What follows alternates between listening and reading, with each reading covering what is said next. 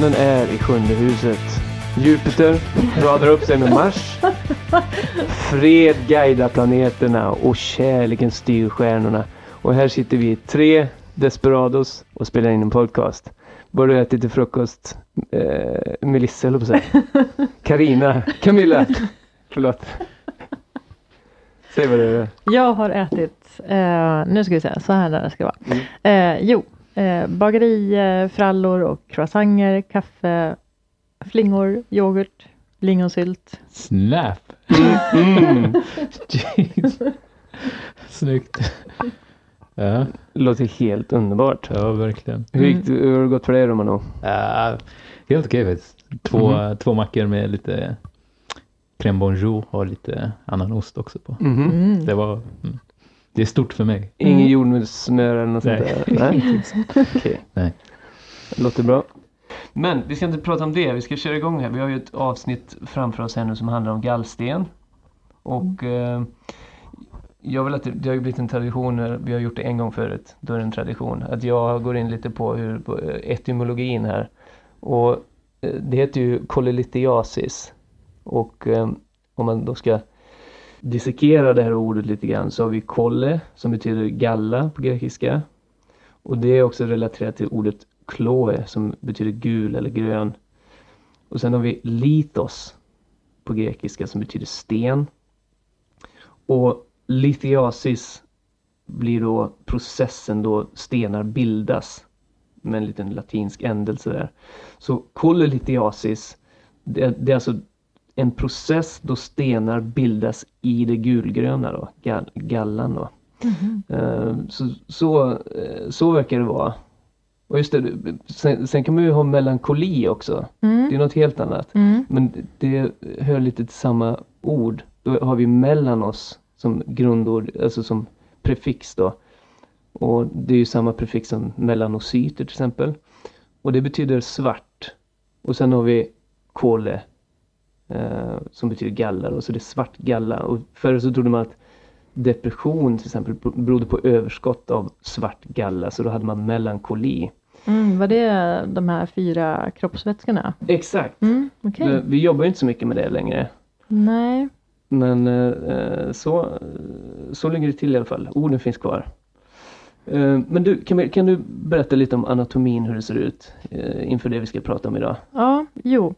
Gallblåsan vesica biliaris är belägen intraperitonealt under levern och vilar över tolvfingertarmen. Mhm. Och gallan som bildas i levern samlas upp i gallgångar. Och från levern leder två stora gångar, ductus hepaticus sinistra och dextra, ihop till en gemensam gång, ductus hepaticus communis. Eh, och från gallblåsan leder ductus cysticus och de två går tillsammans ihop till ductus choledochus. Okej, och det, Ductus choledochus får jag bara fråga där. Mm. Är det, det är det som heter common bile duct på engelska va? Ja, det stämmer. Jag funderade på det förut när jag läste, läste ju på engelska. Ja, eh, nej men det är bra att du tar upp det för det är inte helt självklart Mm. om man översätter mellan eh, latin och, och engelska där. Ja, Mm. vad bra, då har vi Mm. koll på det. Ja, ductus choledochus den går bakom duodenum och möter ductus pancreaticus. Och där formas hos de flesta en ampulla. Men varianter utan ampulla eller med separerade gall och pankreasgångar, det förekommer också. Eh, Manu, tar du lite mer om gallgången? Ja. Gallgången, som du beskrev, och pankreasgången och ampulla kan alla slutas med svängtröra. Och obstruktioner då kan ske på olika nivåer i gallgångsträdet eh, och kan ge komplikationer av olika karaktär, karaktär och allve- allvarlighetsgrad. Då. Eh, Och det kommer vi gå igenom lite senare. Eh, Själva produktionen av gallan sker ju i levern. Och den här styrs då delvis av eh, det autonoma nervsystemet, den parasympatiska delen och delvis av gastrointestinala hormoner som kolocystokinin och sekretin. Okej, och kolelitiasis då, eller själva stenarna i sig. Eh, det är mycket vanligt att ha dem. Upp till ungefär 15 procent av befolkningen i, i Europa och USA har eh, gallstenar. I latinamerikanska länder så är det faktiskt ännu vanligare. Då är det upp till 40 procent av befolkningen. Och i de flesta asiatiska länderna så är det så lågt som 3 procent i prevalens då. Um, det kan påverka både män och kvinnor i alla åldrar egentligen men det är dubbelt så vanligt hos kvinnor som hos män. Och då sker det ofta i 50-årsåldern ungefär. Och det vanligaste är att stenarna består helt eller delvis av kolesterol. Och 20% av stenarna är så kallade rena kolesterolstenar, alltså består bara av kolesterol. Sen har vi 75% av stenarna som är typ bland stenar då som består av kolesterol och gallpigment till exempel bilirubin. Och kvarvarande 5% av stenarna består bara av pigment och det är de eh, stenar som bara består av, av pigment som är, är vanligare i asiatiska länder. Då. Eh, och Camilla, varför får vi då sådana här stenar egentligen? Mm, det finns i huvudsak tre faktorer som predisponerar för bildning av gallsten. Det är supersaturation av kolesterol, gallstas och förhöjd bilirubinsekretion eller dekonjugering. Eh, om jag börjar berätta lite om supersaturation då. Mm. Eh, då innebär det att koncentrationen av kolesterol i gallan är högre än lösningskapaciteten. Och kolesterol är i vanliga fall olösligt i vatten. Men i gallan så hjälper gallsalter och fosfolipider till att göra kolesterolet lösligt i form av miceller. Det var såna här små blåsor va? eller bubblor. Mm, mm. Precis, som celler nästan. Alltså, du har ju ett uh, lipid bilayer på dem. Mm, just det. Som gör att de blir lösliga. Och om det här systemet blir överbelastat, alltså om ratiot mellan kolesterol och gallsalter och fosfolipider blir förhöjt, då kommer vesikler av kolesterol att börja aggregera och kristallisera. Och då har vi början till en gallsten. Och det kan ju ske då om en eh, sån här supersaturation. Om antingen om plasmaöstrogenet blir förhöjt, till exempel vid övervikt, graviditet, vissa p-piller och av hormontabletter. Eller om vi då har minskning av poolen av gallsalter som binder dem, som cirkulerar i det enterohepatiska kretsloppet. Och då till exempel om man har problem med terminala ilium där gallsalterna tas upp. Mm. Och gallstas då? Alltså om flödet av galla i gallgångarna reduceras på något sätt. Det ger ökad risk för att stenar ska bildas. Och gallstas kan man ju få till exempel vid eh, långvarig fasta. Och man har brist på stimulus från mat som gör att gallblåsan inte tömmer sig. Om en patient har total parenteral nutrition är också ett läge där man får den här typen av stas. Och det är ju samma mekanism som vid fasta då. Mm. Sen finns det lägen då ökad sesenering av bilirubin leder till bildning av gallstenar. Malaria, sickelcellanemi och sferocytos, det är exempel på sådana tillstånd. Alltså det gäller egentligen alla tillstånd som går med ökad hemolys. Eh, och det kan också vara så att bilirubinnivån är normal, men konjugeringen är störd på något sätt. Eh, för det är hepatocyterna som konjugerar bilirubin med glukuronid. Och den förmågan kan vara nedsatt. Och sen när man har fått ut då, eh, eh det konjugerade, så dekonjugeras ju bilirubinet av bakterier. Och det ska ju egentligen tas upp, eh, egentligen ske i tarmen då, själva dekonjugeringen. Men vi har, om vi har en ökad bakterieaktivitet i själva gallgångarna så skulle det också kunna leda till kristallisering av bilirubinet i själva gallgångarna.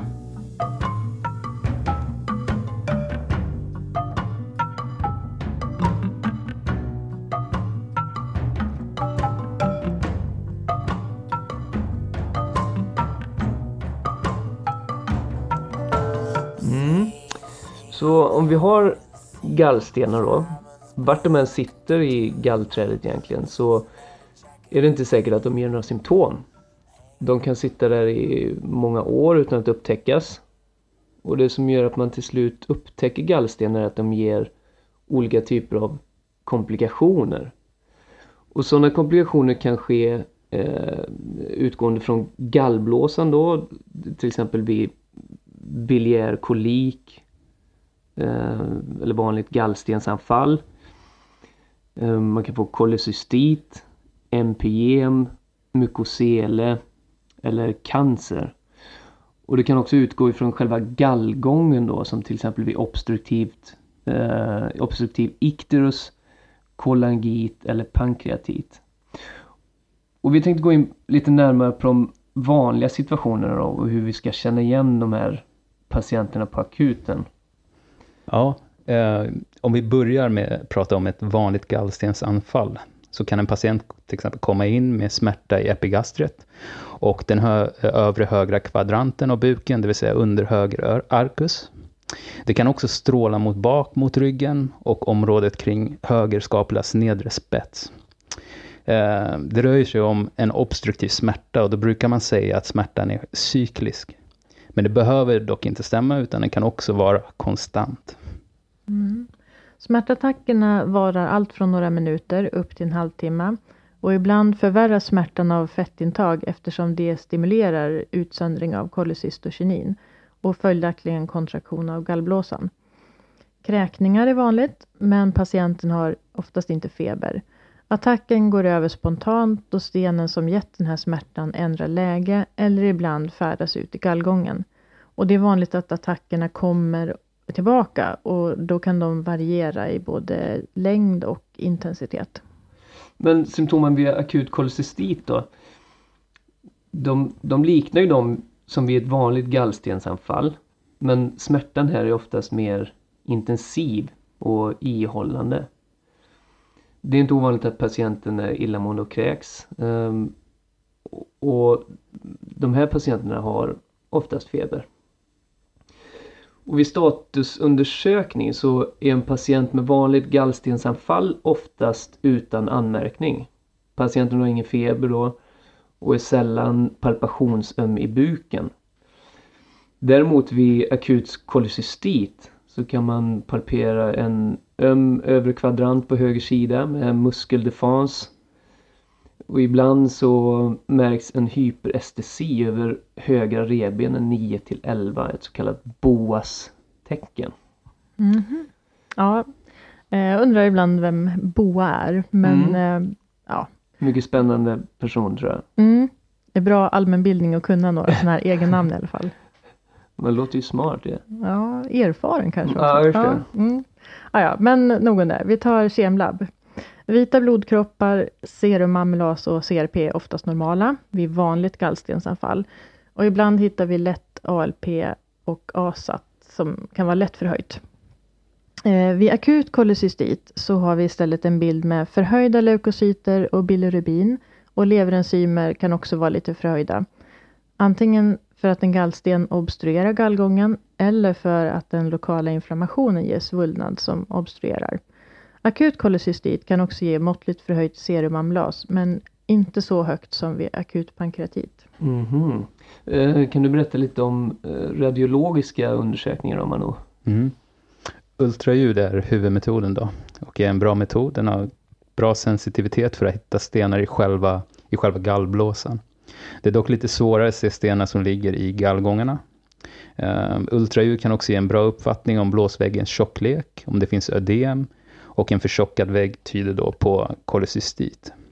Man kan också se diametern på ductus choledochus och få en hyfsad bild av leverns och pankreas arkitektur.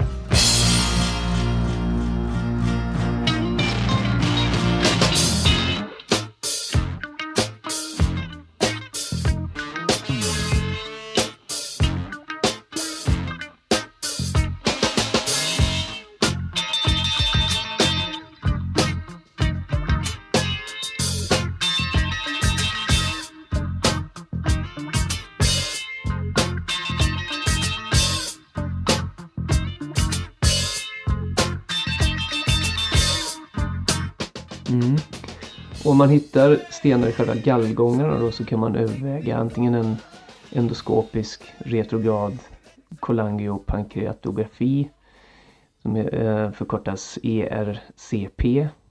Med Tur svingt... Va? Sorry, det här tyckte jag var ett långt ord. Alltså. Ja, det, jag, men jag satte det. Ja, absolut. Eller, äh, ja, jag får ta om det tror jag. Ta om det, sorry. Woo! Right after this. I'm sick and tired of hearing things from uptight, short-sighted, narrow-minded hypocritics. All I want is the truth. Just give me some truth. Om man hittar stenar i själva gallgångarna så kan man överväga antingen endoskopisk retograd kolangiopankreatografi som förkortas ERCP med svinkterotomi eh, eller en laparoskopisk kolesystektomi med samtidig rensning av ductus coloducus. Eh, och Camilla, berätta lite mer om behandling. Mm. Vanligt gallstensanfall behöver inte åtgärdas akut kirurgiskt. Förstahandsbehandling är smärtlindring med prostaglandinsynteshämmare, NSAID, som till exempel diklofenak, i injektions eller tablettform. Och i andra hand kan man ge opiater eller spasmofen ihop med det. Mm. Precis. Och om labbproven är normala och det mesta pekar mot en okomplicerat gallstensanfall behövs ingen akut ultraljud. Istället kan man vänta och så gör man ett polykliniskt ultraljud inom en till två veckor. Oftast räcker själva smärtlindringen som behandling, men vid recidiverande besvär så bör man överväga eh, operation. Då. Mm. Akut kolocystit är ett allvarligare tillstånd än vanligt gallstensanfall och patienterna bör läggas in fastande och genomgå ultraljud inom 12 timmar. Man behandlar kirurgiskt genom kolecystektomi, det vill säga operera bort gallblåsan. Och det kan göras öppet eller laparoskopiskt. Man vill hinna operera patienten inom en till två dygn, delvis för att man sett att operation blir mer tekniskt krävande annars och eh, att komplikationsrisken är högre om det gått mer än 4-5 dagar sedan sjukdomsdebuten. Mm. Och om man då inte har opererat inom 4-5 dagar så kan en konservativ eh, behandling vara bättre. Och då gör man en elektiv kirurgi efter några månader då. Risken ökar för att patienten behöver akut operation innan den planerade elektiva kirurgin om man avvaktar. Laparoskopisk operation minskar tiden på sjukhus och eh, minskar även risken för komplikationer. Ibland kan öppen kirurgi eh, krävas ändå vid till exempel perforation, fistel eller eh, risk för skador på omgivande strukturer. Och om operation är kontraindicerat eller om komplikationsrisken var för hög då är det konservativ behandling, då använder man sig av NSAID, så fastar man och så har man eventuellt profylaktisk antibiotikabehandling. Eh, man kan även då lägga ett eh, gallblåsedrän, det vill säga en kolecystestomi, som avlastning om gallblåsen är kraftigt utspänd. Right. Då har vi sagt eh, essensen av vad vi ville få sagt egentligen. Mm. Så vi, vi är nästan klara. Jag tycker det. Vi har ju inte gått in på allting som kolelitiasis kan leda till. Vi, vi har ju de här andra komplikationerna också som pankreatit och eh, kolangit och eh, men vi får se, kanske blir det eh, separata avsnitt bara om det eller så får man kolla upp det själv helt enkelt. Är det något mer ni vill säga eller? Alltså jag hörde en eh, bra dokumentär, P1-dokumentär. Mm -hmm. eh, en, eh, en berättelse om en patient som fick eh, gallstenssjukdom och eh, tyvärr gick det inte så bra för den patienten. Eh, men det, dokumentären heter 70 dagar mot döden och eh, ja, lyssna på den för den var bra. Ja det vill jag göra. Mm. Var, var tittar jag den då? ja men det är Sveriges Radio, P1. Är det på SR Play eller? Till exempel. Okej, okay. mm. ja då kollar jag det. Mm. Uh, ja, så om ingen har någonting att tillägga så vill, skulle jag vilja citera Ajmal Khan om det är okej. Okay. Det är okej. Okay. Alltså, ni kan ordbajsa hur mycket ni vill. Men ni måste bajsa rätt. Hej då! Hej då! Hej då!